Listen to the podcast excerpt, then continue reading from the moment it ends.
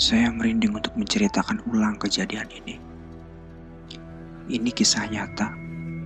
Waktu itu malam Selasa, saya pamit untuk narik ojek ke istri saya. Abang mau berangkat? Tanya istri saya sambil mengelus perutnya yang semakin hari semakin membesar. Ya sayang, abang berangkat ya. Dia mencium tangan saya. Ayah nyari uang dulu ya nak.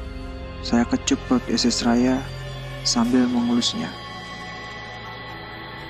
Bang, ini bekalnya nanti dimakan ya kalau lapar. Jangan ambil orderan yang mencurigakan ya. Hindari zona merah yang banyak begalnya. Pokoknya kamu harus hati-hati. Iya sayang, doakan abang ya. Saya sangat mencintainya. Dia adalah wanita sempurna bagi hidup saya. Orangnya perhatian, cantik, kulitnya putih, punya lesung pipi di sebelah kiri. Perawakannya langsing, dan yang paling penting, dia sangat setia menemani saya dalam susah dan senang. Saya panaskan motor beberapa menit, merapatkan resleting jaket, mengikat erat tas kecil berisi makanan di bagian depan, mengunci tali helm dan meluncur ke tengah jalan raya yang mulai lengang.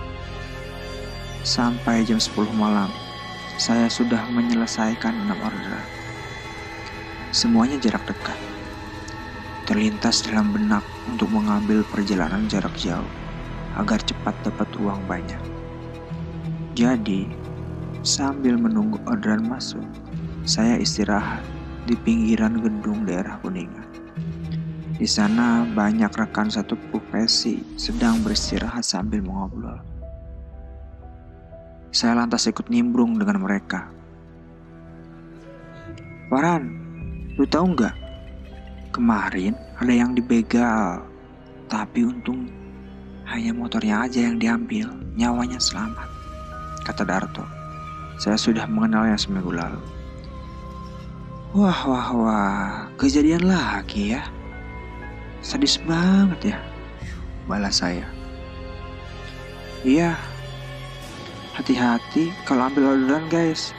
Sambung Dani yang sambil sibuk main game online. Saya memesan kopi pada tukang kopi sepeda keliling, menyeruput sedikit demi sedikit. Iya bang, kalau nasib kita lagi apes nih ya, mendingan kasih aja motornya lah. Asalkan kita nggak dibunuh kata saya sambil mengusap sisa ampas kopi di bagian atas bibir saya. Semoga aja kita nggak ngalamin ya, lanjut Darto. Belum sempat saya habiskan kopi, tiba-tiba sebuah orderan masuk. Pemesannya bernama Diana. Sepertinya dia pekerja kantoran.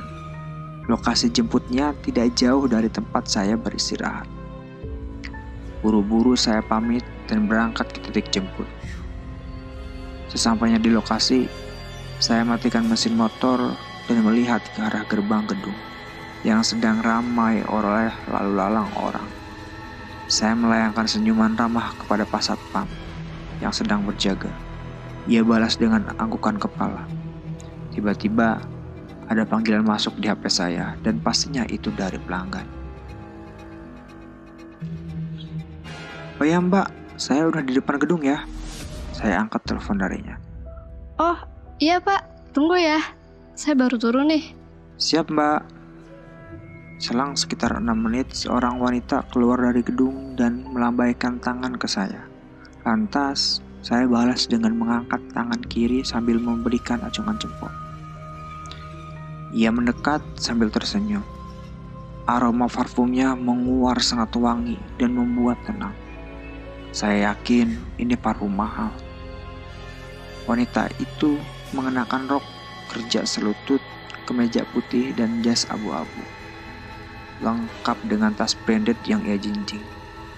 Rambutnya tergerai indah sepunggung. Dari penampilannya itu, saya yakin kalau wanita ini adalah orang kaya. Udah nunggu lama ya, Mas? Sapanya sambil tersenyum.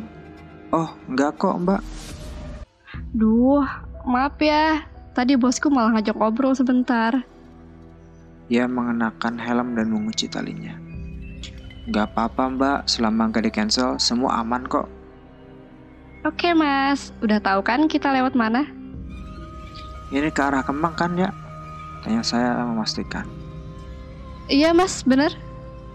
Di perjalanan, dia aktif sekali mengobrol semua hal. Urusan kantor, keluarga, sampai kekasihnya. Dari wajahnya, maka saya dapat memperkirakan kalau wanita ini baru berumur kisaran 21 atau 23. Masih sangat muda. Sesekali saya menimpal pembicaraannya agar terkesan ramah. Sesampainya di tujuan, saya melihat sebuah rumah mewah bertingkat dengan pagar mewah. Ternyata benar saja kalau wanita ini adalah orang kaya. Aduh mas, aku nggak bawa cash. Aku masuk dulu ya ke rumah. Mau minta uang ke ayahku. Mas tunggu di sini aja ya, jangan ke mana-mana. Dia masuk ke dalam rumah itu sambil menunggu kembali saya main game online. Tetapi setelah 20 menit wanita itu tidak kunjung muncul. Jangan-jangan saya dibohongi Bahkan sampai setengah jam saya menunggu di luar tak kunjung muncul juga. Akhirnya saya memberanikan diri untuk mengetuk untuk pagar rumah itu. Seorang lelaki berkemeja kotak-kotak berperawakan gempal membuka pintu dan berjalan gontai ke arah saya. Ada apa ya mas? Katanya sambil mengeritkan dahi. Begini pak, Tadi anak papa pesan ojek online, tapi dia nggak bawa uang cash. Terus saya disuruh nunggu di luar. Katanya dia mau balik lagi buat bayar saya. Tapi udah setengah jam belum muncul juga. Gimana ya pak? Maaf mas, saya tinggal sendiri di rumah ini. Ujarnya dengan nada dingin. Wah, bapak, jangan bercanda dong. Saya capek loh pak, narik ojek jauh-jauh dari Kuningan. Terus siapa yang mau bayar pesanannya? Yang pesan, namanya Diana bukan? Saya langsung cek HP memastikan. Ya pak, atas nama Diana. Dia berdecak kesal. Terjadi lagi. Itu anak saya mas, dia udah meninggal sebulan lalu. Mas orang ketiga yang kayak gitu. Ah, bapak jangan bercanda. Udah, berapa biaya pesanannya?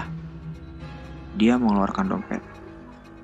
30 ribu pak, setelah saya menerima bayarannya, dia menyuruh saya pergi terkesan mengusir. Di perjalanan pulang, saya masih melamun apakah benar wanita itu sudah meninggal. Itu sangat aneh. Saya tidak merasakan hal ganjil saat membawa wanita itu. Dia ramah dan senang berbicara. Mana ada hantu seceria itu. Sesaat Kemudian motor yang saya kendarai memasuki komplek perumahan elit. Di sepanjang jalan trotoar jalanan ada pohon-pohon beringin yang tumbuh subur. Anehnya, bulu kuduk saya tiba-tiba merinding saat melintas satu persatu pohon beringin. Jalanan sangat sepi, tidak ada satu kendaraan pun yang melintas. Beberapa saat kemudian, mata saya melihat sosok wanita penampilan dan wajahnya persis dengan penumpang yang saya bawa barusan. Iya, dia Diana. Ia melambaikan tangan sambil tersenyum mengerikan ke arah saya. Seketika saya tancap gas sekencang-kencangnya sambil berteriak minta tolong.